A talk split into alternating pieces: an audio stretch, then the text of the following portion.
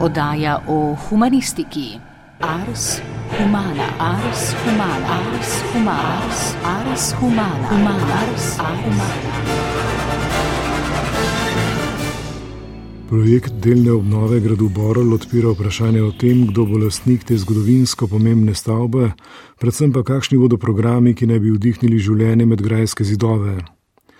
Lokalna skupnost občina Cirkulane je že ustanovila javni zavod, ki bi lahko prevzel vlogo upravljavca. Tu pa je tudi zelo dejavno društvo za oživitev gradu Borel in pa seveda posamezniki, ki vidijo grad Borel kot središče evropske kulturne identitete. Pa pojdimo najprej po vrsti, spoznajmo najprej del bogate zgodovine gradu Borel. To nam je predstavila Sonja Golc, predsednica Društva za oživitev gradu Borel. Glede na zadnje raziskave, ki so bile delane leta 2019 na Grajski terasi, v letošnjem letu so tudi znani rezultati, bi naj tisti najstarejši del segal vsaj v 13. ali celo v 12. stoletje. Tako da to je bil grad na meji med eh, Ogrsko Avstrijo, po nekih podatkih celo najbolj oblegan grad Želeli so si ga seveda tako Avstrijci kot Ogri, zato je bil stalno na prepihu in stalno predmet eh, bojev. Potem se je le v mm, sredini srednjega veka meja ustalila tako, da je grad Borl v Avstriji in eh, njegovi lastniki so vse od eh, mogočnih gospodov ptujskih do draneških do različnih teh rodbin. Bi pa morda posebej izpostavila grofe Zaure, ki so prišli na grad sredi 17. stoletja in od takrat naprej bi lahko rekli, da je grad Borl doživel tudi neki razcvet. To je bila tudi družina, ki se je na gradu za stalno naselila ga obnovila, barokizirala, povečala in tako, da bi lahko rekli, da je tam nekje malo eh, v začetku 18. stoletja doživel tisti največji obseg, eh, ki ga je imel. Z grofi Zauri je prišel na grad tudi sodišče, nekatere druge pravice in kot se rekla, vse splošni razcvet z vsemi pomembnimi funkcijami, ki so jih Zauri zasedali tudi v avstrijski monarhiji so seveda tudi imeli dovolj sredstev z vsemi okoliškimi posestvi, da so v bistvu na našem območju zgradili ali obnovili vse cerkve, štiri imamo, tudi vse splošno prispevali k nekemu razvoju območja okoli gradu. No, z zatonom grofov Zaurov konec 18. stoletja je potem grad eh, za kratko prešel v last eh, kneza Petovjonskega, ki pa je že kmalo potem grad prodal Wilhelmini Lesli. To je pa bila žena zadnjega grofa Leslija, ki je leto preden je se potem ona zastalno naselila na gradu, tudi umr. Zaradi sistema dedovanja ji seveda ni pripadlo večino bogate Leslijeve zapuščine, Nekaj pa kljub temu je bilo ločeno in tisto je prodala in potem kupila grad. Grad je obnovila, v njem je živela skoraj 50 let, zelo dobro se je tu počutila, kar priča tudi to, da se je dala pokopati na cirkulansko pokopališče, ne ob možu v Avstriji in tudi med ljudmi je bila pa je zelo priljubljena. No, je pa grofica Lesli rojena Wurmbrand stupah, se pravi, to je še ena pomembna rodbina v avstrijski monarhiji in ker sama ni imela otrok, je potem grad zapustila svojemu nečaku in ta potem svojemu sinu Gundakerju, ki pa je bil več let eh, deželni glavar eh, na Štajerskem, malo pred upokojitvijo je bil tudi minister za zunanjo trgovino, vrsto let je bil v avstrijskem parlamentu, Tako da bom rekla, je tudi bil premožen eh, človek na nek način, zbiratelj predvsem predmetov iz gotike, tako da je bil grad zelo bogat z temi predmeti, starejšimi tudi slikami. Grad je dejansko napolnil no z umetninami, če bi tako rekli. Po njegovi smrti je leta 1901 prevzela grad v lasti in upravljanje njegova hčerka. Adalberta, ki se je poročila z baronom Kubekom. In takrat pa v bistvu zopet grad postane družinski dom, saj sta si tu ustvarila tudi dom, imela sta štiri otroke. Kot tujca v novi državi po prvi svetovni vojni pa sta seveda imela mnogo težav, Tudi tale agrarna reforma jima je kar zakomplicirala življenje, če tako rečemo, ker se nista več dobro počutila, sta potem nekako se odločila, da bosta grad prodala, tudi zato, ker otroci so se dejansko šolali v Avstriji, da bodo potem se vsi skupaj preselili v Avstrijo. To se je potem leta 1922 tudi zgodilo. In grad je kupila ena delniška družba iz Varaždina, Borlin DD, ustanovljena prav za namen upravljanja gradu Borl. Seveda pa je na ta način eh, z novim lastništvom, ne plemiškim, družba, ki je morala delovati po nekih drugih principih, kot deluje družina, ne, se pravi, v gradu niso več videli doma, ampak pač neko premoženje in uh, upravne zgradbe svojega podjetja. Po svetovni krizi, ki se je začela, ki je vplivala tudi na eh, poslovanje pri nas, je morda se začel neki zaton gradu. Če rečem takole, sestaviti so se uspeli ravno proti koncu 30-ih let, najeli neki kredit, obnovili grad, posodobili vinograde, sadovnjake, ko se je zgodila druga svetovna vojna. Tako da od tega drugega zaleta ali pa ponovnega vzpona ni bilo potem nič, seveda. Nemci so v gradu uredili zapor za politične zapornike, predvsem in pa neke vrste prehodni zapor za tiste, ki so jih potem pošiljali v druga koncentracijska taborišča. Zelo malo jih pravijo, da jih je prišlo, da so šli samo domov z Borla. Ne. To je pač eno žalostno obdobje v grajski zgodovini.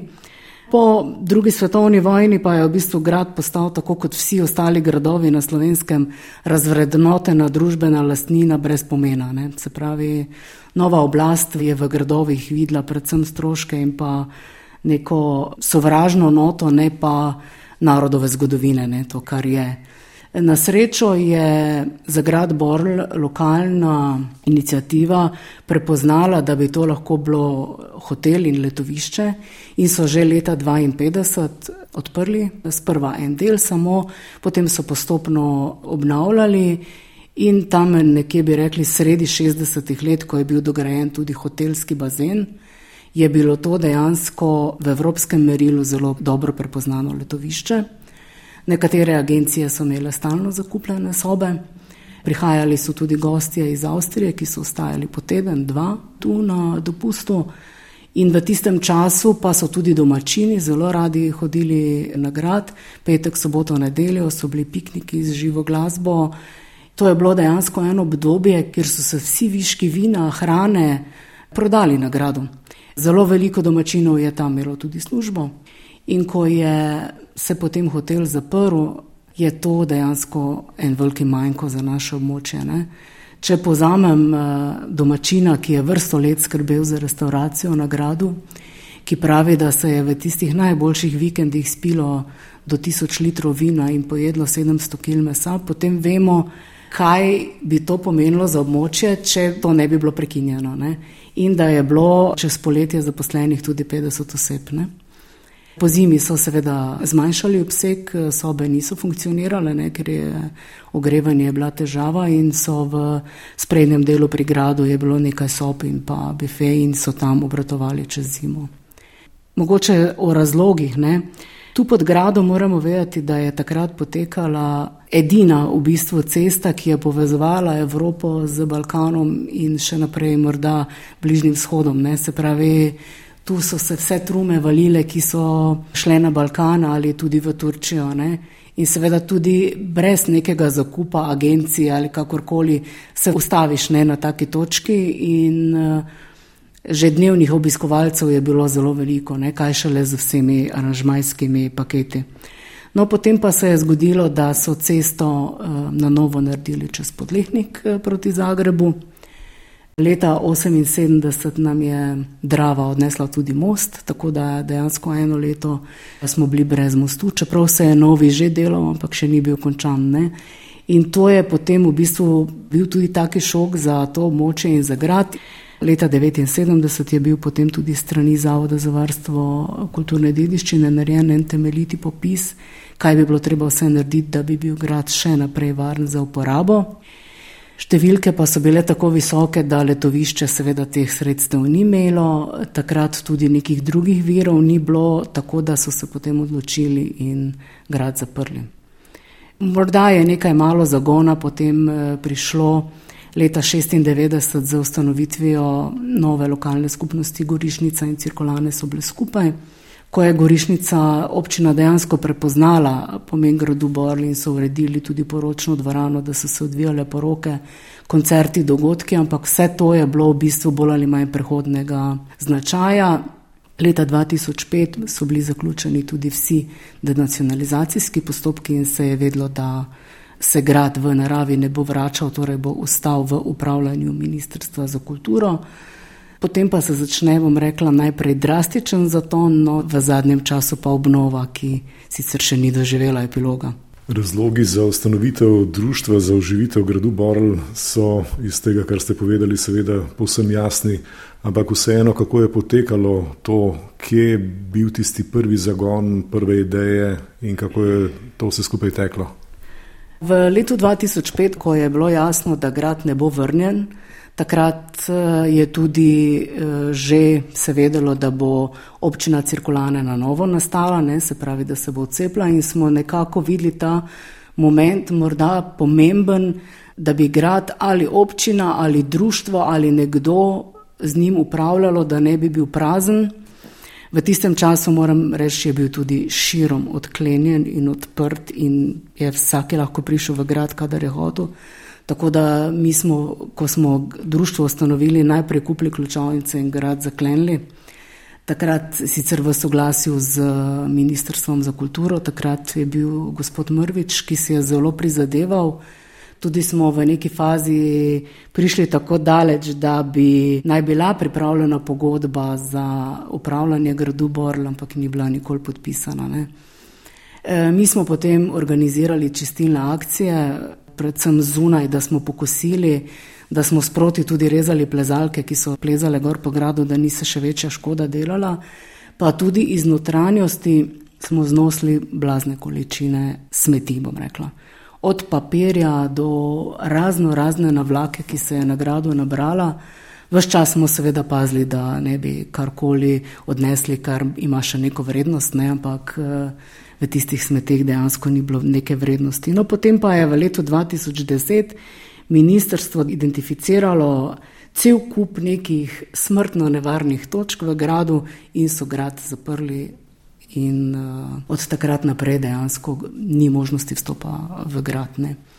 Mi seveda imamo svoj program, zdaj se, če v grad ne moremo ali pa dokler ne moremo v grad, zbiramo dejansko gradivo o gradu, proučujemo njegovo zgodovino. Imeli smo to srečo, da smo spoznali tudi vnuka Adalberte eh, Kubek, ki nam je dal na razpolago vsa družinske albume in druge dokumente, tudi dnevnike.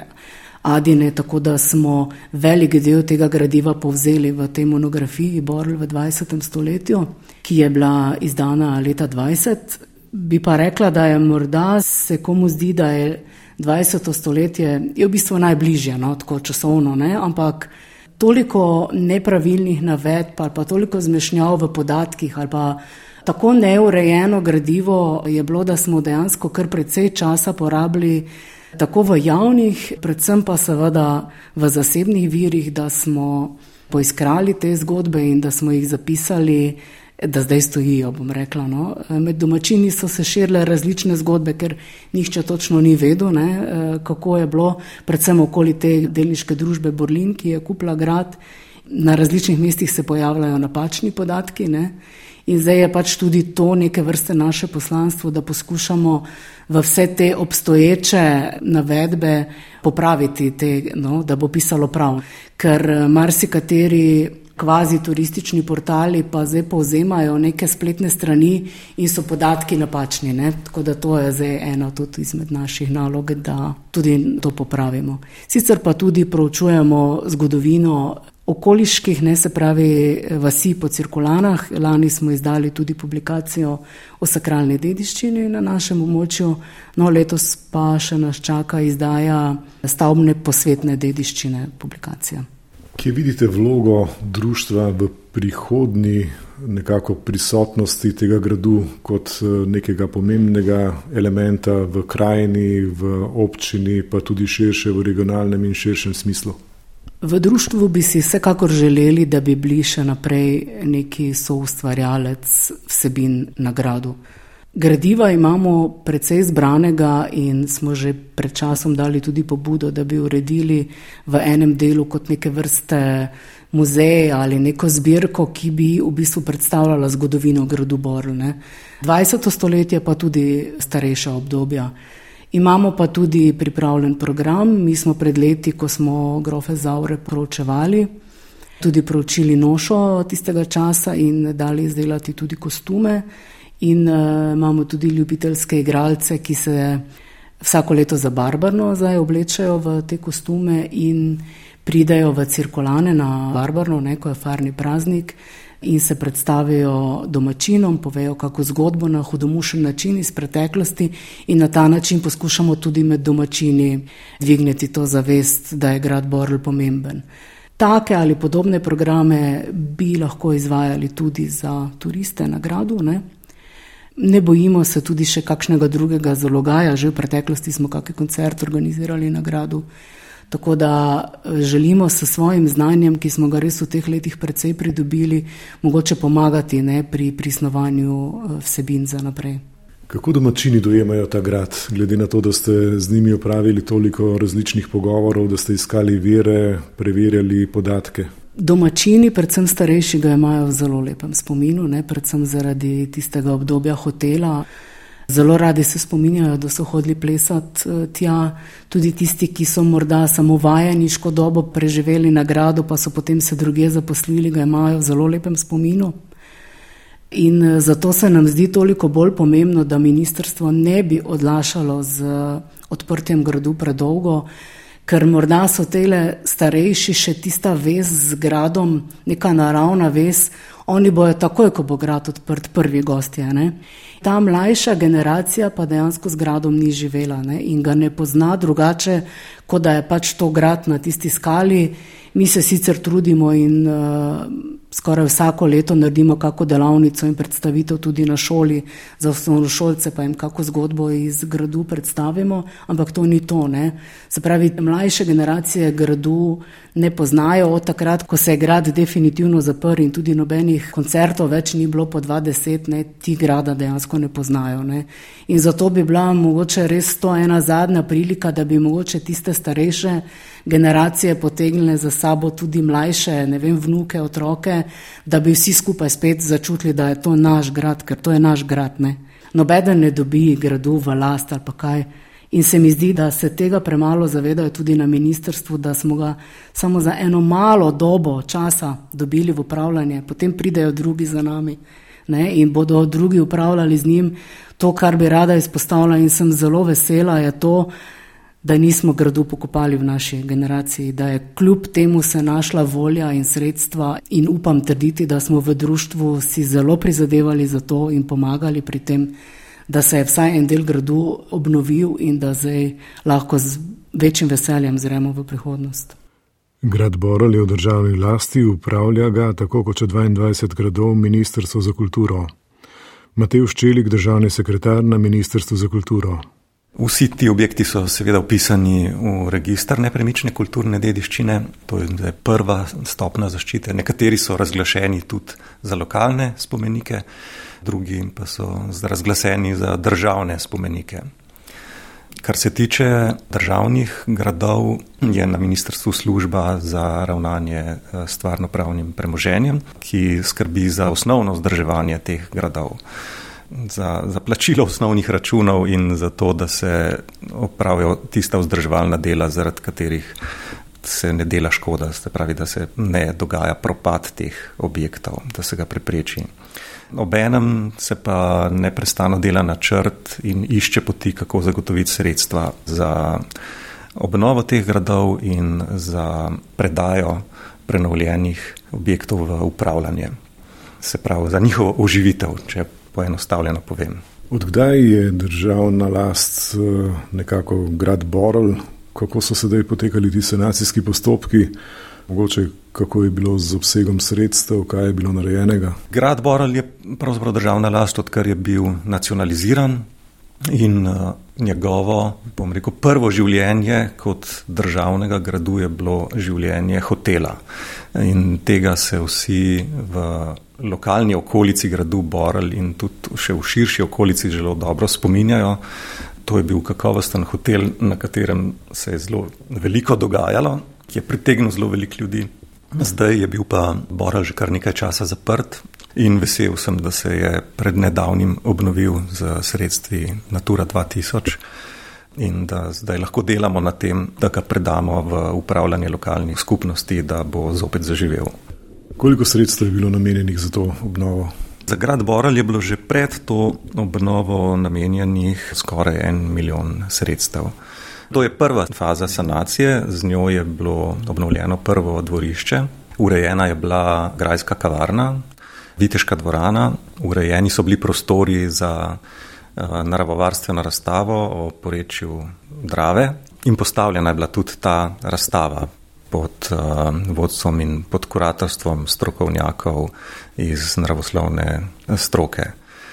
Zdaj se grad Boral pripravlja na obnovo še druge faze, na obnovo še drugega grajskega dvorišča, za katero je še potrebno zagotoviti sredstva za financiranje. Medtem pa poteka sanacija brežine pod gradom. To izvaja Ministrstvo za infrastrukturo, ker gre za zaščito ceste, ki poteka pod gradom ampak v okviru te sanacije bo urejena tudi razgledna ploščad pod gradom, iz katere bodo obiskovalci lahko občudovali eh, strugo Drave in dravskih mrtvic in pokrajino, na katero je iz roba Halos razgled. Kako pa bo z upravljanjem tega gradu v prihodnje? Omenja se morebiten prenos na lokalno skupnost? Tako je. Občina Cirkulane je v ta namen že ustanovila javni zavod za kulturo in turizem in eh, pripravlja zelo podroben kulturni program, ki bi potekal na gradu Borel, ki je tudi finančno ovrednoten. Po našem mnenju je ta program dovolj kakovosten, da se lahko začnemo pogovarjati o prenosu gradu v upravljanje in pravzaprav že pripravljamo osnutek pogodbe, ki bi jo podpisali z občino, tako da naš namen je grad Boral čim prej predati v upravljanje lokalnih skupnosti, ker tudi pri ostalih svojih primerjih vidimo, da je to najbolj uspešen upravljalski model, da so to potem res objekti, ki živijo in dihajo s temi kraji in imajo kakovostne programe. Za grad Boral pričakujemo, da bo prihodno pomlad odprl svoja vrata z novim upravljalcem. Problem pri kulturni dediščini nepremični je seveda to, da so programi tista šipka točka, ki ponavadi vse skupaj zavlečajo oziroma se projekt po domače rečeno tudi sfiži. Kako je v tem primeru s temi programi, ki so, so vas prepričali, Ja, pomembno je, da so programi pripravljeni dovolj zgodaj in da jih je možno sproti vrednotiti in tudi eh, dajati določene usmeritve. Pravzaprav idealno je, če se programi že v toku gradnje ujamejo tudi z projektom in potem lahko prenovljen objekt zares služi tem programom.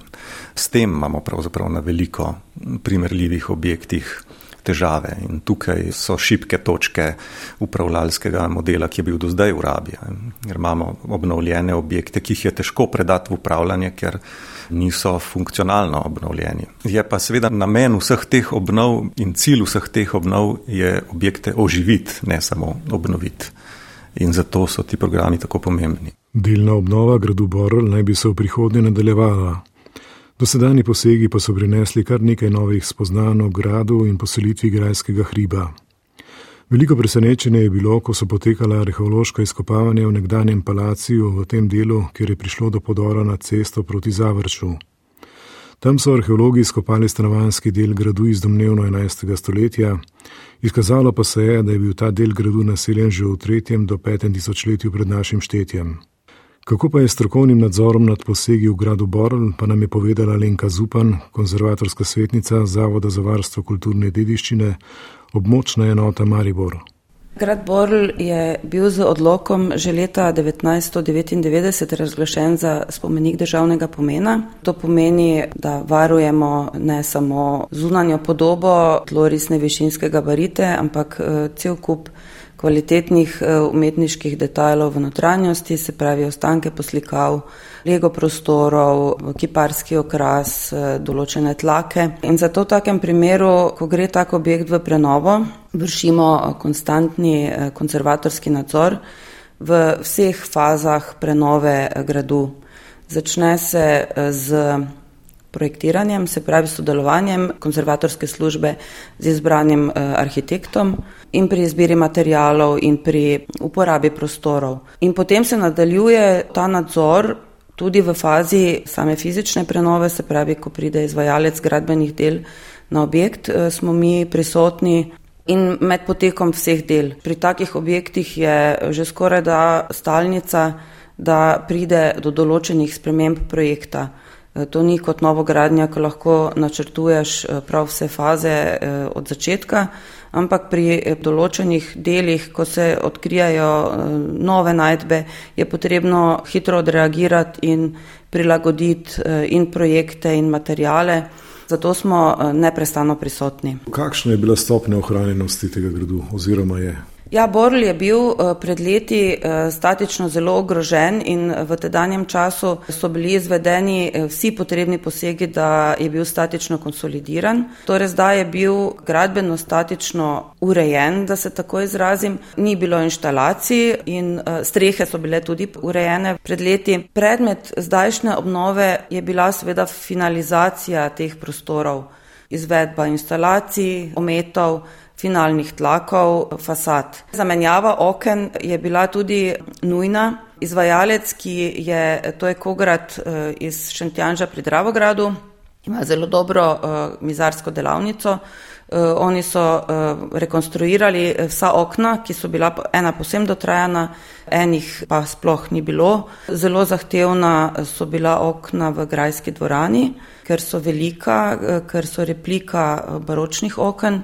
Potem uh, smo rekonstruirali tudi tlake. To je uh, bila ena od bolj odmevnih zadev v gradu, ker smo uh, starih tlakov nismo našli sicer in situ, se pravi na licu mesta v dvorani. Smo pa našli drugot po gradu posamezne kose črno-belega marmorja. In ker poznamo na podlagi analogij sočasnih dvoran druge po svetu, predvsem v naši soseščini, da eh, so bile dvorane pokrite z šahovnico. Smo se tega poslužili tudi tukaj in dvorano tlakovali z črno-belim marmorjem. Glede na to, da je bil grad nekaj časa, lahko bi rekli, turistični objekt, je to pomenilo tudi določene posege v ta prostor oziroma v ta objekt. Vse neprimerne prezidave, eh, sekundarne eh, stene, pregradne in take stvari smo odstranili, da smo prezentirali čim bolj uh, podobo ne z časa nastanka, ampak z časa zadnje kvalitetne faze, to je nekje v baroku oziroma delamo 19. stoletje. Potrebni so bili pa seveda tudi neki novi posegi, ki so nujni za današnjo rabo. Gradu, recimo, gradili smo dve dvigali za uh, invalide, naredili nekaj dodatnih stopnic, vendar nič takega, kar bi prizadelo prvotno substanco gradu, ki je še ohranjena. Kakšen arhitekturni element, ki vas je presenetil? Je... Ja, mogoče bi tukaj omenila fasado tega trakta, kjer je noter Viteška dvorana. Tukaj smo nekako pričakovali, da pod temi plasmi ometa obstaja zgrafitna poslikava fasade. Eh, in ta domnevanja so se izkazala za pravilna, tako da odkrili smo kompletno skrafitno pilastrsko poslikavo, ki smo jo ponovno rekonstruirali po, po teh starih vzorih in obnovili tudi v rednem delu je Zavod za varstvo kulturne dediščine restauratorski center obnovil potem tudi portal eh, v tem traktu iz 1674, eh, tako da je zdaj celota prezentirana in na voljo našim pogledom. Še vedno govorimo o delni sanaciji, ni to kompletna sanacija. Kako gledate v prihodnost, kaj je treba še storiti? Ja, jaz upam, da se bo ta eh, trend nadaljeval, seveda manjkata še dva trakta, v katerih so bili prekrasni dnevni prostori, teh, ki so prebivali v, v preteklosti v gradu in upam, da se bo to nadaljevalo in da odkrijemo javnosti tudi ta drugi del gradu, se pravi te bisere, ki se skrivajo v tistem delu gradu, ki je mogoče še lepši kot ta del, ki smo ga zdaj obnovili. Grad Borel se nahaja v občini Cirkulane in je svojo strateško lego idealen za tuje in domače obiskovalce. Saj stoji na strmi skali nad regionalno cesto Ptuj Zavrč. Danico Ramfel, podžupanje občine Cirkulane, smo najprej vprašali, kako gledajo na delno obnovo gradu. Mi smo veseli, da se je začela obnova gradu Borl, ker je res to vstopna točka v Haloze in vidimo, da je pomemben, da lahko pri razvoju celotnih Halos pripomore k razvoju in turizma in prepoznavnosti. Saj pod gradom Borl teče cesta, ki je povezava z tretjim največjim mejnim prehodom Sloveniji in tukaj se prek milijonov turistov obrne in samo če se del jih tudi oglasi na gradu Borl, bi že moral živeti grad Borl. Kako gledate na to sanacijo, ki je bila sedaj izvedena? Mi smo veseli, da je bila sanacija izvedena, je pa škoda, da pa grad ni odprt za javnost in upamo, da bomo uspeli doseči, da se bo grad odprt za javnost in da bo potem tudi zaživel, ker s tem, ko je zaprt, samo propada. V okviru eh, tega, lahko bi rekli, projekta odpiranja gradu ima pomembno vlogo država. No, lasnica gradu Borl je tako država. Ministrstvo za kulturo se je kulturni spomenik državnega pomena. Mi upamo, da in se potegujemo za to, da bi bili upravljavci tega gradu, ker le lokalno okolje poznamo in tudi vemo, kaj bi bilo v tem okolju primerno. Mi smo v času sanacije se vedno trudili že iskati deležnike, ki bi bili pripravljeni početi kaj nagrado. Pogovori so tekli v smeri, da ko bo končana obnova, saj ta delna obnova, ker to je nekje sedaj obnovljena, cirka tretjina gradu, dve tretjini še čakata obnovo in potem bo tudi res možno kaj več iztržiti v tem gradu. Sedaj ob tej obnovi bi se pa že tudi dosti dalo narediti, ker je res škoda, da je grad zaprt, da se ničesar ne dogaja. Postavljena je razstava eh, Natura 2000 Drava in zdaj mi menimo, da smo v stanju kot lokalna skupnost tudi upravljati s tem gradom in mu vdahniti življenje. Tako da smo ustanovili javni zavod Belana, In to smo res na hitrico se trudili, da smo ustanovili zavod, registrirali zavod, ampak nam nekako za prejšnjo garnituro potem ni uspelo, da bi prišlo do podpisa pogodbe o upravljanju gradu strani našega zavoda. Kje še vidite vlogo občine pri recimo tej celotni ponudbi gradu Borl? Gotovo bo potrebno tržiti tudi to razstavo o biotske raznolikosti drave, potem razni učni programi za osnovne šole, za srednje šolce in pa potem vsebine, ki bodo prinašale tudi denar.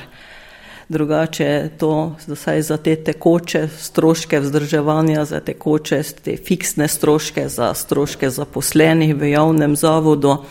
In to vidimo v turizmu, vidimo v trženju prostora za razne prireditve, dogodke, da bi to bili tradicionalni dogodki, da bi lahko tudi prodajali lokalne izdelke z našega področja.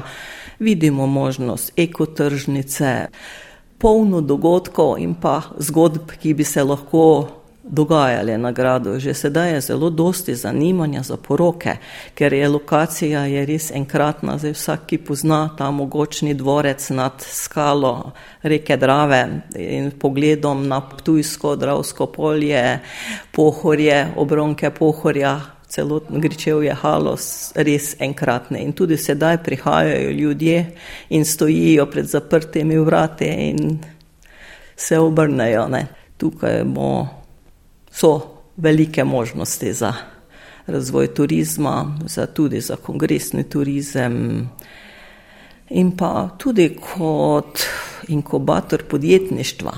Potem vidimo tudi možnost druženja mladih. Polno, polno stvari je, ki bi se lahko odvijale na gradu, še več pa, ko bo obnovljen tudi še preostali del gradu. Tudi v primeru obnove oziroma delne sanacije gradu Borl se odpirajo večna vprašanja, s kakšnimi programi bodo napolnili grajske sobane.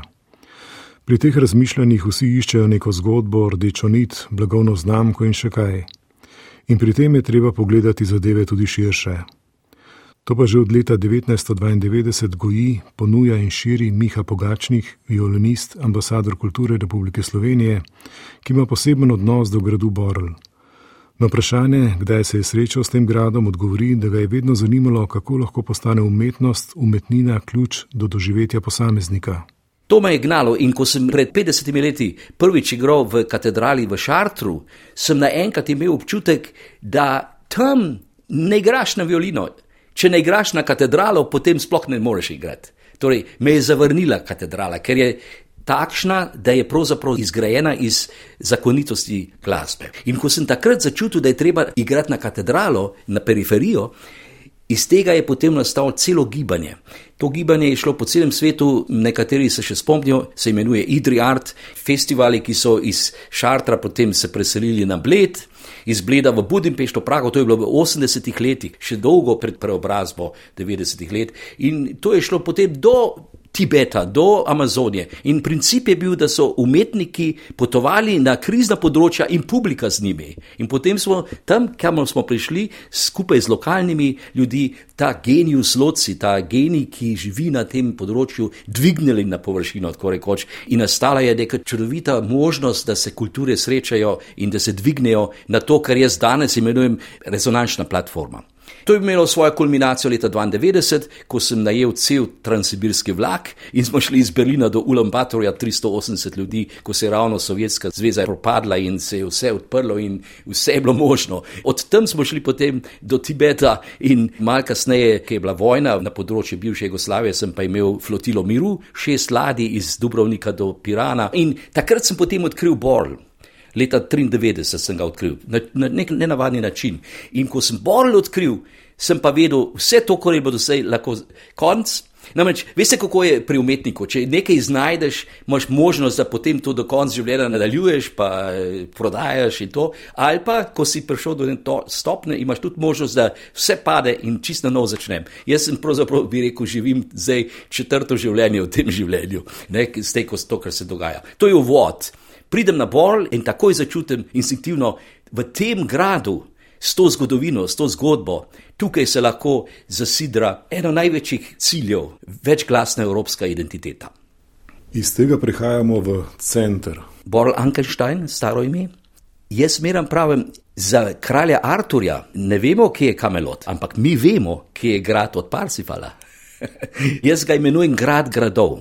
To je zanimivo za Slovenijo, ki imamo toliko tisoč gradov. Ne? To je grad gradov, ampak evropsko mišljeno, ne samo slovensko. Zato, ker ta najznamenitejši srednjeveški trubadur, Wolfram von Eschenbach, v začetku 13. stoletja skuje ta veličastni ep Parsifal ki bi pravzaprav ne bil poznan, če ne bi Wagner tudi na koncu življenja njegovo glavno opero napisal, Parsifal. In s tem je Parsifal postal znan. Ampak mi vemo, da ta diktat Eschenbacha ima isti nivo kot Danteva divina komedija, namreč za nemški jezik. Ja, zdaj pa zanimivo, da je Eschenbach v 13. stoletju v naših gradovih tako rekoč diktiral tega Parsifal. To se ve na Ptujskem, na Bolskem, na planinah, na Kosjanskem, tukaj so njegove stopinje. In interesantno, da v tej oh, veličastni zgodbi, to je 25 tisoč verzov skoraj, se zdaj prevedeno v slovenščino, lahko vsak čita. On v najbolj kritičnem momentu, v devetem poglavju, kjer je preobrazba Parsifala, on tem naenkrat, naenkrat v par vrsticah točno opiše slovensko pokrajino, to štajersko pokrajino. In ko je to prišlo meni v roke leta 93, sem takoj opazil, aha, največja evropska zgodba zakopana v Sloveniji. Pomislite, kaj se lahko iz tega naredi. No, in sem pač vse moje delovanje prenesel v Focus Ball, in jasno, to se je potem razširilo na Ptuj, pa na Haloze in vse posod, ker sem odkril eno za drugim še druge lokacije, ki se točno nanašajo na to zgodbo. In če recimo preberete opis Trevricentove jame, ki se pojavi v devetem poglavju. In če gledate, kako je opisana, in potem greste v Belojačo, jamo pri Makolah. Točno tako, kot je opisana. Ampak možno je pa tudi, da je v Švici ali pa da je v Španiji. Zato ker Parsifal je podedoval po očetu slovensko, torej karantansko kraljestvo, po materi pa špansko in francosko. Tako da to je res evropsko in se ga pa najde tudi na Skandinaviji. Torej je evropska zgodba in to ima velik pomen, ker ravno zdaj, ko govorimo o Evropi, največ mislimo politično. Jaz pa pravim, politična Evropa nikoli ne bo imela svoje identitete, mora biti kulturna identiteta. In ta prihaja iz raznolikosti, teh vseh mogočih kulturnih raznolikosti, ki so tako pomembne, ki jih do danes v globalizmu zgubljamo. Torej, ko sem pač odkril bolj, sem vedel, da je treba razširiti in odkriti te lokacije, kjer se lahko ta zgodba tako pripoveduje, da. Medtem ko pripoveduješ in poslušaš, imam pripovedovalce, ne? ko poslušaš zgodbo in obenem to podprem z glasbenim procesom, ki je moja posebna metoda, namreč igram, pa prekinjam, pa rišem procese in prevajam v druge discipline. Če se to podpre glasbeno in obenem z zgodbo, grejo ljudje v parih dneh na eno zunanjo in notranjo pot. Po potniki greš potem po eni zunanji in notranji poti. In z vsakim korakom, tako rekoč, stopiš globlje v te mnoge sloje, ki jih ponuja ta zgodba. Parcifala lahko bere mladenič, mlad človek, ki je pustolovščina, krasno, lahko ga pa bere res modrec in v njem odkrije čudo in pol, kaj tam se skritega v tej arhetipični zgodbi, tako rekoč. In če gremo skozi to pokrajino, ki jo zdaj imenujem Terra Parsifal, torej Parsifalove dežela, potem v par dnevih z našimi gosti iz vse posod, tudi specialisti, recimo samo za učitelje, ali pa samo za mlade, ali pa samo za menedžerje oziroma vodilne. Glede na to, kaj se odločiš, za vsakogar se najde v tej zgodbi en prav vzorec, v katerem ne samo abstraktno. Razumeš, kaj pomeni preobrazba v človeškem razvoju, torej človeški razvoj je v centru, temveč to doživiš. In recimo, pogledajte, če začnemo tak projekt, je zmeraj najprej prvi korak sedeti v simfoničnem orkestru. In to smo imeli zmeraj v Bolski viteški dvorani. Zdaj, ko se obnavlja, to naredim na Tujskem gradu. In sediš med izvajalci in jaz prekinjam tok mojstrovine in prenašam to na steno, na skico razvoja. In to potem spet interpretiram, tako da ljudje, ki sedijo v orkestru, naenkrat doživijo svoje lastne probleme, ampak tudi rešitve na nivoju glasbe. To je na čustveno, ampak zavestnem principu, da je to čustveno zavestno, ne pa samo čustveno.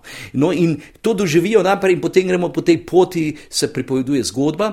In takšno pokrajino in takšno zgodbo na takšni lokaciji, to je samo enkrat, to je ne mogoče ponoviti, to je samo pri nas, v tem delu Štajerske.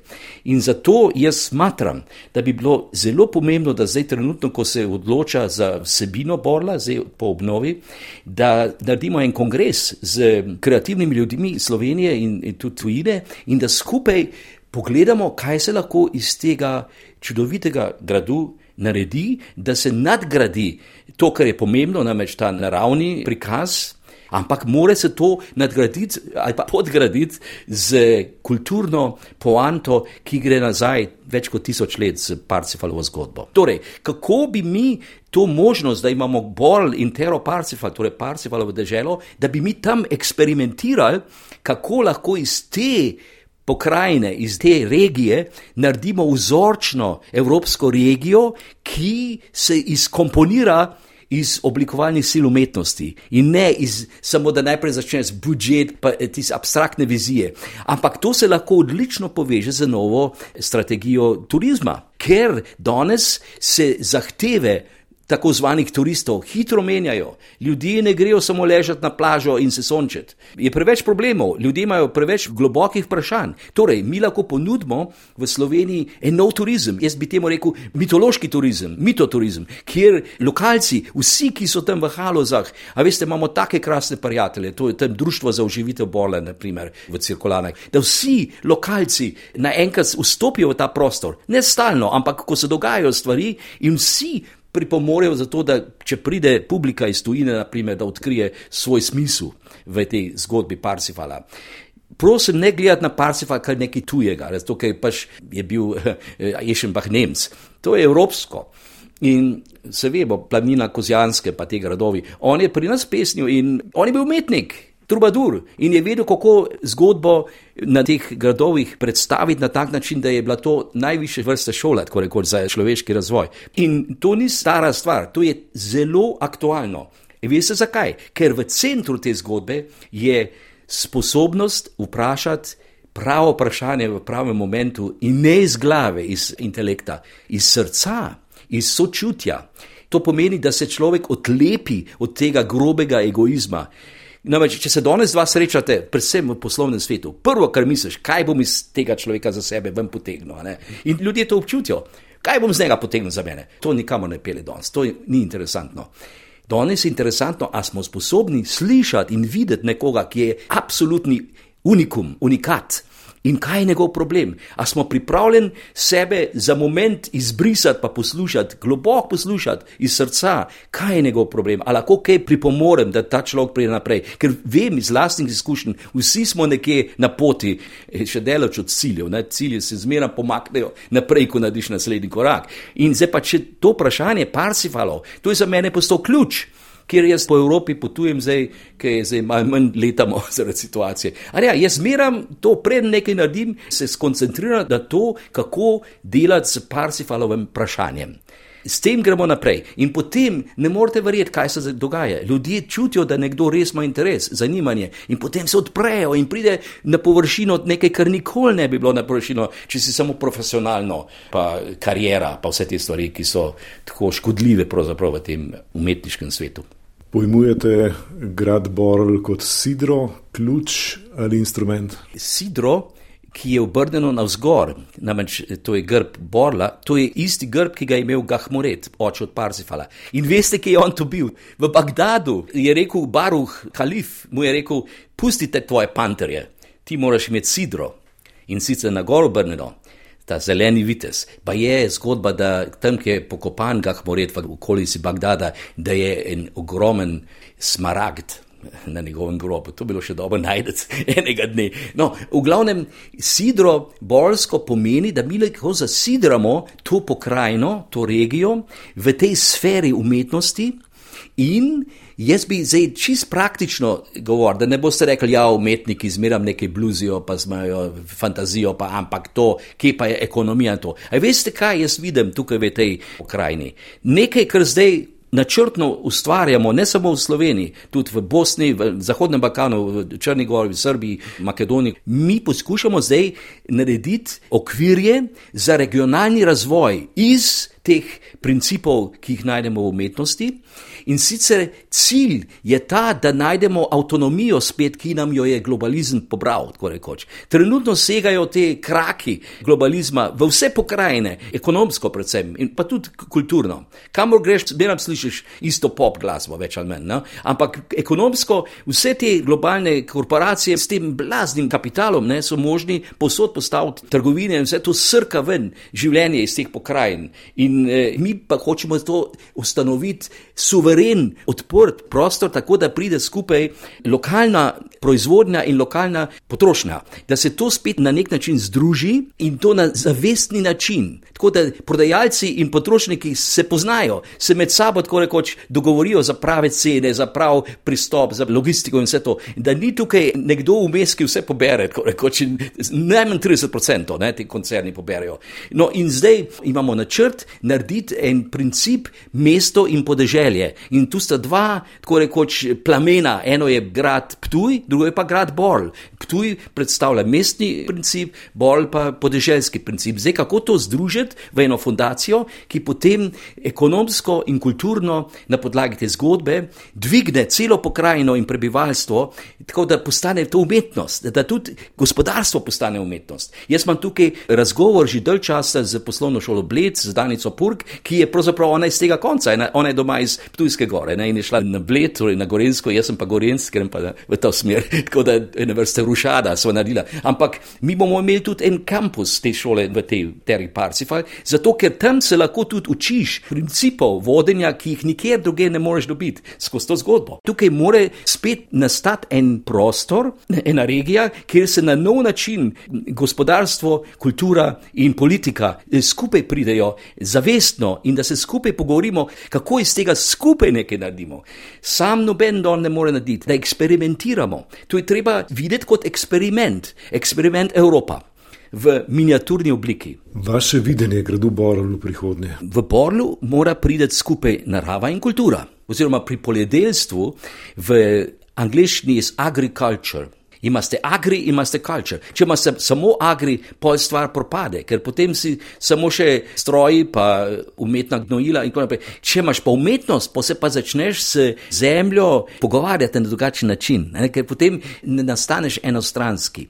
In v tem smislu bolj ima potenco, da se skupaj prideta nebesa in zemlja, tako rekoč, da pride skupaj nebeško iz kulturne sfere in zemeljsko-ekonomske in naravne sfere. Grad uh, Borl, grad na skali. Ja, skalo so že sanirali, torej ta problem je rešen. Problem je v tem, da imamo preveč gradov, preveč projektov in poskušamo hitro te projekte sanirati in potem jim dati eno vsebino, tako da ponavadi eh, nastane muzej. Neč proti muzejem, to je v redu, ampak muzej nekje v smislu umetnosti je zadnja postaja. Tam se stvar neha. No. To je malo tako, kot ne vrste upokojenc umetnosti, ko se vse da na svoj prostor, pa don't touch, ne, ne, ne, ne prosim, ne.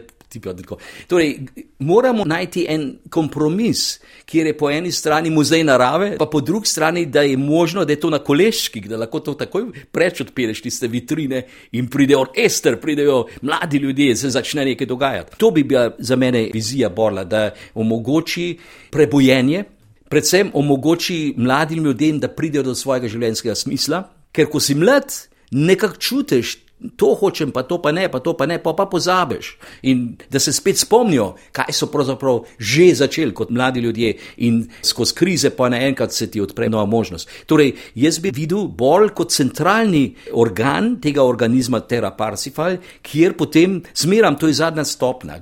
Začne se na Ptuju in potem se gre do Žičke kartuzije, do studenic. Studenice so zdaj v lasti enega podjetja v Mariboru, moja elektrika, ki so odlični ljudje, se z njimi zgovarjam vztrajamo, kot da bomo tudi skupaj razvijali potenco pod bočom. Ker boč, če se to srednjeveške poveča, to ime, torej raztegne, pa to pomeni Monsalvač, mitična gora. In potem gremo tja, pa potem na drugo stran v Lemberg, tam je bilo pravosodje v srednjem veku. Veste, da recimo v Lembergu je bilo sedem gradov ki so bili povezani z visečimi mostovi. To so zgodbe in pomislite, kaj to pomeni. Noben se s tem ne gre, stare zgodbe, to ni nič resnega. Ja, in potem, da se rogaška slatina vključi, ker to je omenjeno v zgodbi, potem, da je rogatec, vse to, do celja, pa še naprej. Vransko, zelo pomembno. No, in da se ta zgodba okrog bola razvije kot instrument, in potem zmeram, ko greš skozi ta projekt, Parcivalova dežela, da na koncu finale je v Borlu. Zato Borl je v nekem smislu kot eh, vzorec kraljskega gradu, zato je pač centralen v tej zgodbi. In v Borlu se potem zaključi. Potovanja po tej pokrajini so lahko kratka, lahko so daljša.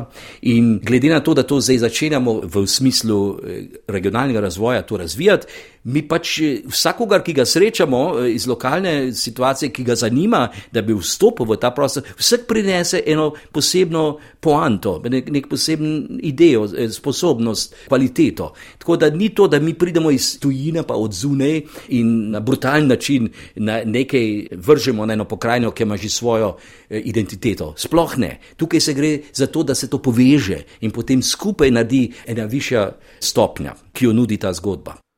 Grad Borel zagotovo ponuja izjemne možnosti razvoja ne samo lokalnega okolja, ampak tudi širše. Tu se odpirajo mitološke zgodbe, v katere nekateri ne verjamejo in jih zavračajo, drugi pa jih vidijo kot enkratno priložnost za nove poti, nove pristope v kulturi, gospodarstvu in turizmu. Za tehnično podobo današnje oddaje Ars Humana je poskrbela Klara Otorepec, oddajo pa sem pripravil Milan Trobič. Oddaja je nastala s finančno pomočjo Evropske komisije v projektu Misija Mlada kohezija. Oddaja o humanistiki. Ars humana, ars humana, ars humana, ars humana, humana, ars humana.